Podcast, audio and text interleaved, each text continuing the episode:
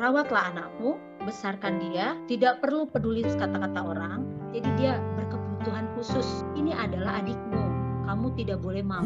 Walau mama papa nanti gak ada, kamu harus sayang sama adikmu, harus dijaga dengan baik.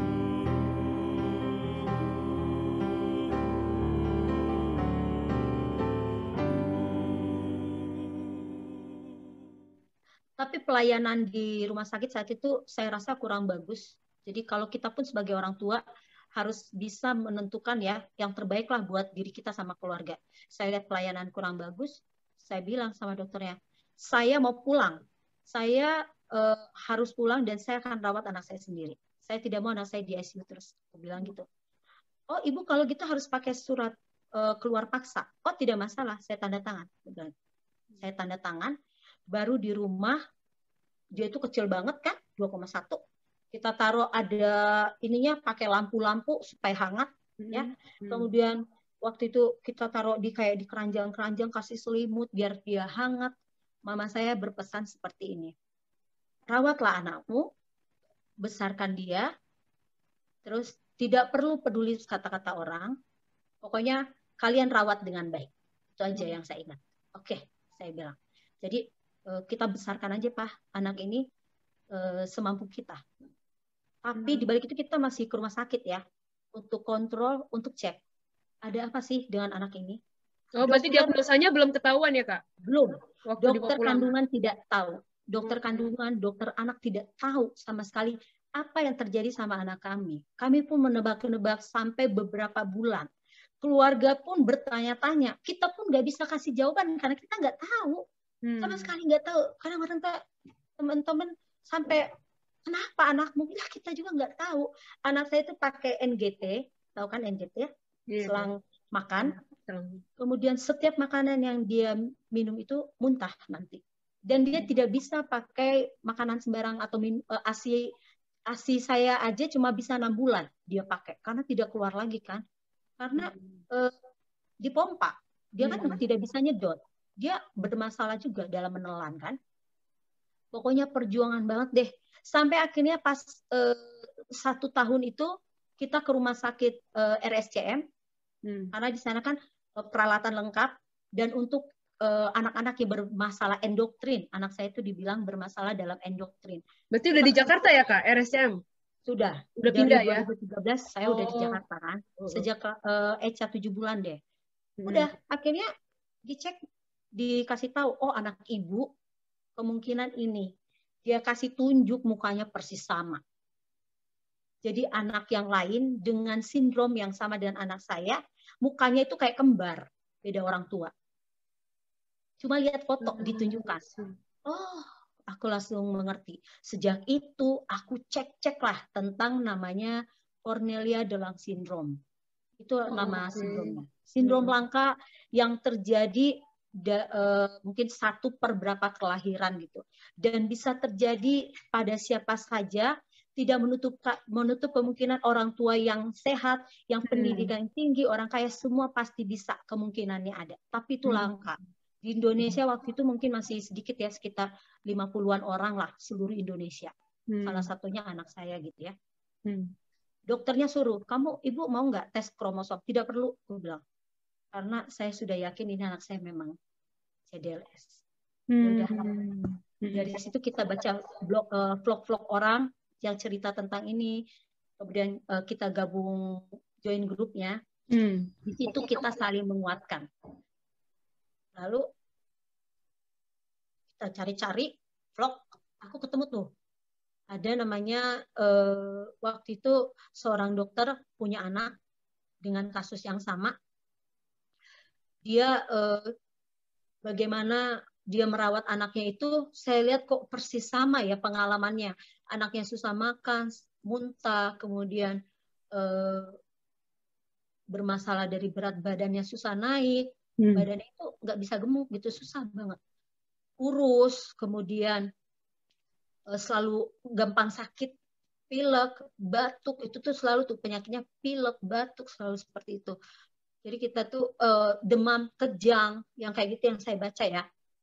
Akhirnya uh, sampai di rumah itu ya udah kita mulai deh. Kita harus berjuang ya pak. Ya ya udah kita rawat lah. Akhirnya Jeremy kita bawa terapi kita bawa ke dokter gitu ngecek apa nih anak saya ini untuk lebih bagus kita bawa ke uh, waktu itu ke dokter pencernaan untuk cek pencernaannya ada masalah apa gitu kan ya udah lama-lama dia mulai agak gemuk ya dikit hmm. gitu ya agak gemuk dikit gitu kita lihat loh kok banyak juga yang bermasalah seperti anak kami ini gitu ya kok sama juga suaranya sama tingkah lakunya sama kita tuh kadang mempunyai anak-anak yang lain gitu di hmm. di lain tempat gitu dengan kondisi yang sama setelah satu tahun itu kami baru kabarin ke keluarga kami bilang anak kami ini bukan sakit ini hmm. adalah sindrom uh, kelainan bawaan. Jadi bukan seperti orang sakit pilek dikasih obat flu lalu dia sembuh. Yang hmm. demam dikasih paracetamol dia sembuh. Ini enggak. Anak saya ini seperti kelainan bawaan. Contohnya orang yang hidungnya udah pesek gitu ya. Mau bagaimanapun kamu lakuin dia tetap pesek. Kami bilang gitu. Ya tidak bisa kalian mau ubah anak saya menjadi normal. Kan selalu ada yang saran bawa ke tukang urut loh supaya ini nanti sembuh. Bawa ke sini ada yang pinter. Ini bisa. Nanti begini. Nggak usah. Caranya adalah dengan cara merawat ini dengan anak ini dengan baik. Itu aja kuncinya. Akhirnya mereka mungkin mengerti ya. Dan mereka pun kaget sih selama ini kok kita taunya ya cuma sakit apa sakit apa mereka bertanya baru saya berani kasih jawaban jadi selama itu kita itu menutup diri loh dek hmm. aku yang tadinya seorang yang ke mana-mana ya ini dengan kehadiran anak yang seperti ini kadang membuat diri kita itu mundur, mundur sedikit. Iya. Tadinya pelayanannya yang benar-benar maju agak mundur. Karena setiap kita di mana pun kita berada, orang itu selalu melirik. Eh, ada apa ya dengan anaknya ya? Meliriknya itu bukan yang begini doang, yang benar-benar melotot sampai di depan mata kita. Yeah. yang melihat anak kita yeah. tuh ada sesuatu, something gitu kita udah terbiasa. Jadi setelah kita kasih tahu keluarga semuanya, kita jadi kuat loh, menguatkan diri sendiri. Jadi ke mana-mana sudah berani lah. Ini anak kami loh. Tadi kita tuh minder banget. Ini anak kami loh, gitu. Apa reaksi keluarga kak? Kenapa? Waktu pertama kali dengar reaksi keluarga gimana? Maksudnya? Ya. Apa shock. yang udah? Uh, oh shock. Okay. Shock. Keluarga itu pengen yang terbaik. Mereka selalu menyarankan ke sana kemari, lakukan ini, lakukan itu. Orang gereja juga lakukan ini, lakukan itu. Tapi kita sebagai wanita, saya tuh punya prinsip juga. Saya seorang ibu tahu apa yang terbaik buat anak saya. Gitu. Hmm. Kalau kamu kasih usulan begini, bagus ya. Mungkin usulan ini bagus-bagus, tapi kita juga ada pertimbangan. Bahkan ketika usianya Jeremy itu tujuh bulan, kita ke rumah sakit RSCM, itu saya disuruh uh, lepas untuk NGT-nya. Eh NGT-nya tidak boleh dilepas. Saya hmm. berpikir kalau NGT ini tidak dilepas, kapan anak saya bisa makan dari mulut? Masa iya cairan terus dari selang? Oke, nggak apa-apa, saya bilang gitu. Begitu sampai di rumah, saya lepas itu semua NGT-nya, saya cabut sendiri. Hmm. Nggak boleh ya, nak. Kamu minumnya sekarang dari mulut, bukan dari NGT. Hmm. Sejak itu kami tidak mau ke RSCM lagi. Karena mereka bukannya memberikan apa ya kekuatan atau gimana bayangin ya kita ke RSCM itu berangkat setiap hari itu jam setengah enam kita itu udah berangkat nyampe di sana jam tujuh karena BPJS ya jam tujuh jam tujuh kita ambil nomor antri sampai jam delapan jam delapan ambil lagi antri lagi sampai jam nanti baru jam satu atau setengah dua ketemu dokter jadi What? kita berjam-jam di rumah sakit itu di parkiran. Bayangin kan, apalagi Jeremy ini orangnya anaknya tidak bisa panas, AC di mobil, seperti itulah. Jam satu ketemu dokter. Setiap hari kami datang itu, kalau kami datang, dokternya ganti. Yang datang, yang melayani kita selalu koas. Selalu oh, anak-anak koas. Ganti kan sudah berapa kali ke sana, nggak pernah sama. Dan mereka hanya hmm. melihat riwayat riwayat sebelumnya dia baca-baca. Iya, cuma dicatat oh, aja. Iya, iya. Tahu pasti ya. Benar. Lalu ya. udah itu lihat catatan, oh berat badannya berapa diukur ya? Oh ini harus ditambah ya susunya sekian mili nutrisinya sekian ya dikasih ya. Oke. Ya. Ibu kalau mau anaknya ibu terkejar berat badannya harus pakai NGT ya Bu, tidak boleh lepas. Seperti itu. Aduh, tidak ada memberikan uh, apa ya, ya, jadi lebih baik iya Kak, benar. Karena di rumah sakit sana memang rata-rata koas ya. Nah kayak gitu, bayangin aja selama berbulan-bulan seperti itu pemasukan jadi nggak ada. Kan namanya kita online ya, kakak kan jualan online tuh pemasukan tidak ada. Terus terkuras untuk terapi ke sana kemari sampai ke Jogja juga kita pernah terapi. Hmm. Bayanginlah seperti itu. Wah, tapi hebat kakak masih bisa bertahan dan tetap punya prinsip itu sih yang aku dapat pelajaran dari kakak itu. Jadi kalau memang kakak punya feeling nggak yeah. harus begini, ya udah kakak pertahanin gitu. Walaupun memang banyak banget orang-orang yang kasih pendapat, kasih saran, banyak banget omongan-omongan orang, nggak peduli, udah ya gitu. Jalanin aja terus, maju terus. Ya, hebat banget gitu. Karena mereka itu kan kadang orang cuma kasih lihat kulit luar kan mereka tidak tahu yeah. mereka nggak salah kita pun jangan menolak uh, yeah. apa pun sarannya kita terima tapi yang kita lakukan ya kita pilih yang mana yang yeah, benar benar yang terbaik benar mm-hmm. karena itu memang berat sih belum tentu juga ada yang bisa menjalani itu ya yang ngalamin kan Karina sama abang kan ya bukan orang lain orang lain ya berkomentar ya kalau masukannya bagus ya didengar kalau enggak ya di ini ya kayak ya, ditutup telinganya. Kalau nggak nggak habis-habis ya kak, kalau kita dengerin selalu omongan orang ya kak ya. Netizen kan maha benar, nggak bisa disalahin. iya. Ini dari ini uh, kita udah udah berapa kali tuh dari setelah kerja, eh setelah lulus ada netizen ngomong kapan nikah. Setelah nikah ditanya kapan punya, punya anak. anak. sama kita komennya lagi yang lain lagi. Cuman komen aja. ya. Karina sama uh, Bang Chandra uh, kuat, strong juga. Si uh, Eca-nya juga ini kayak pasti akan uh, Eca-nya juga helpful juga ya, ya. sama uh, Karina ya. Betul. Jadi uh, kita juga kan punya anak bukan satu ya. Jadi saya selalu bilang kepada Eca, Eca, kamu kan punya adik ini bukan sakit ya, aku bilang. Tapi dia uh, special need. Jadi dia berkebutuhan khusus. Oh. Kamu tidak boleh malu sama orang siapa pun kalau kamu sudah besar, ini adalah adikmu. Kamu tidak boleh malu. Dari sekarang kamu harus bilang, adikku ini memang punya kebutuhan khusus, dia bukan sakit gitu. Hmm. Kamu harus sayang. Walau mama papa nanti gak ada, kamu harus sayang sama adikmu. Harus dijaga dengan baik. Tidak perlu malu. Ya, ke suami aku juga aku bilang gitu. Karena kan awalnya suamiku minder. Terus bilang, jangan pak, kita harus perkenalkan dia ke siapa aja keluar. Si Echa juga saya ajarkan seperti itu ya. Kamu harus bisa jaga adik sendiri. Jadi dia udah bisa tuh ganti popoknya anak eh, apa adik-adiknya jaga oh. kalau kita lagi keluar dia jaga dengan kasih makan dia bisa jadi kita udah latih lah jangan pernah malu gitu sampai besar pun harus jaga adik hmm. hmm, hmm. Echa tuh hebat ya dewasa dia hmm. Iya, Eca-nya juga uh, membantu juga baik, anak baik Eca itu. Iya, Sekarang udah umur berapa Kak, Jeremy? Jeremy sekarang dia uh, jalan 8 ya, tahun depan dia 8 tahun. Mm -hmm. Tapi dia itu belum bisa jalan kan, dia jalan itu masih pegangan.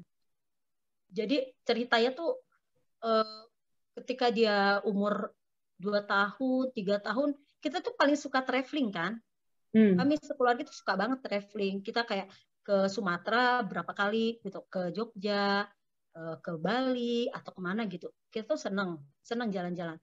Tapi dengan kondisi Jeremy yang ke mana-mana itu harus bubur, makannya tuh buburnya tuh bukan bubur ayam ya, bubur ayam beli, bubur yang benar-benar saring, bubur hmm. blender yang halus.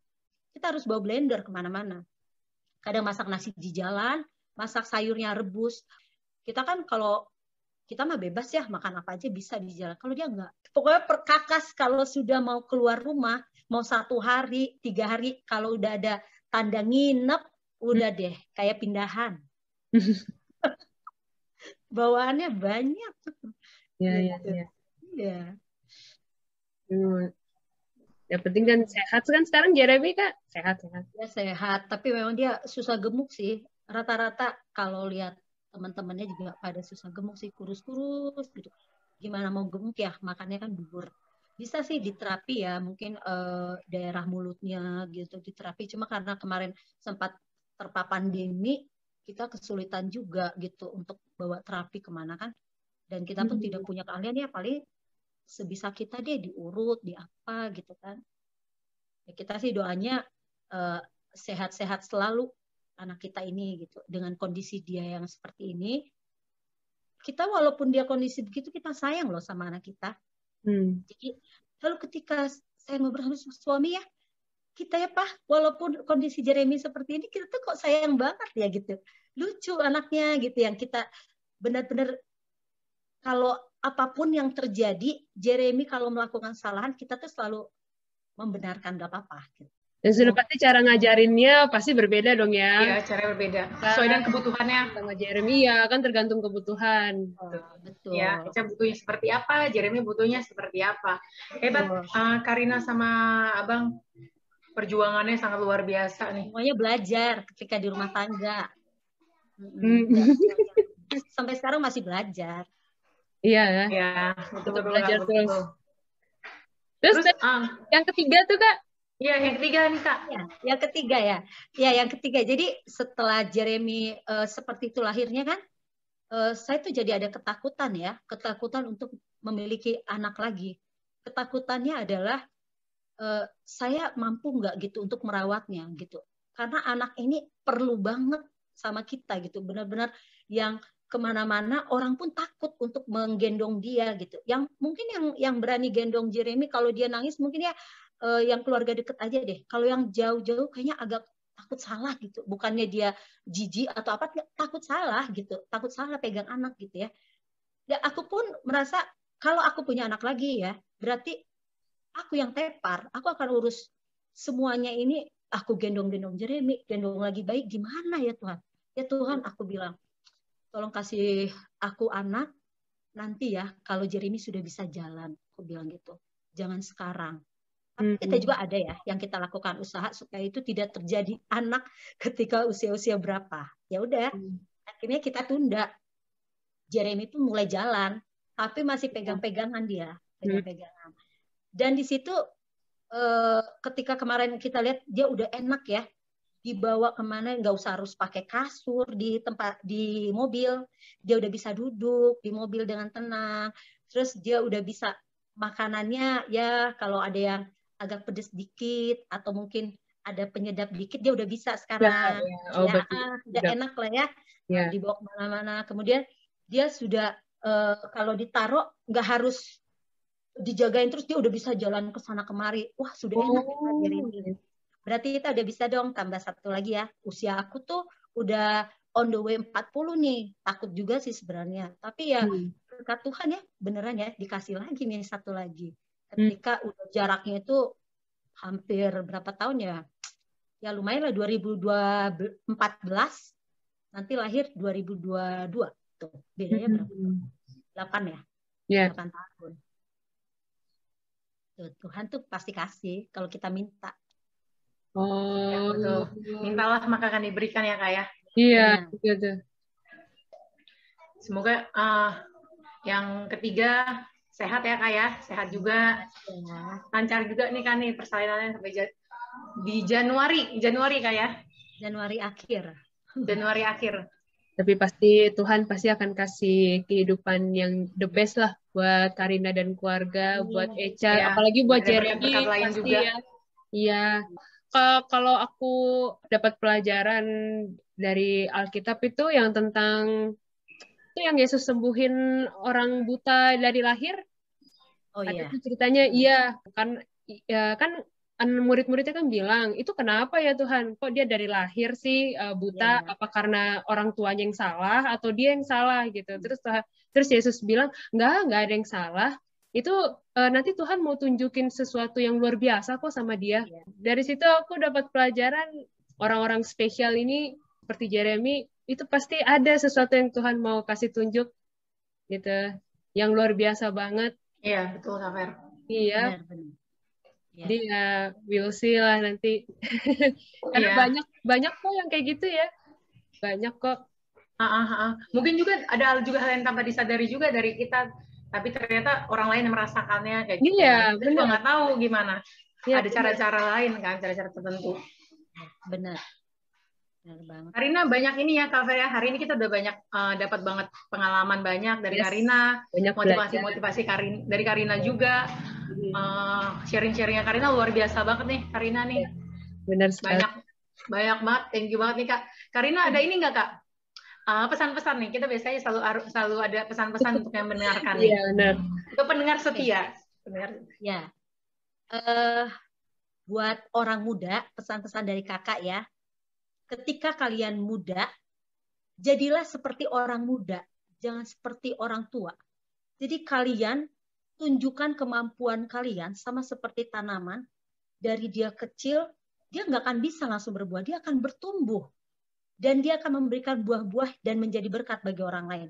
Jangan takut untuk melangkah ketika kalian muda, ketika ada peluang di sana, pelayanan apa pun, jalani hmm. libas kalau orang Batak yang bilangnya jalani jangan takut kemudian ketika kalian sudah di sana jangan takut karena Tuhan akan menyertai semua talenta-talenta itu yang tadinya satu akan bertambah menjadi dua, berlipat ganda jadi empat, lalu jadi delapan seperti itu.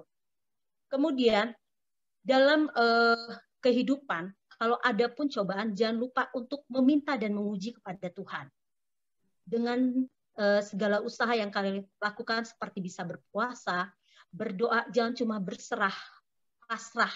Tidak boleh seperti itu. Jadi kalian harus ketika kalian sudah berani meminta kepada Tuhan, kalian juga harus ada yang kalian lakukan.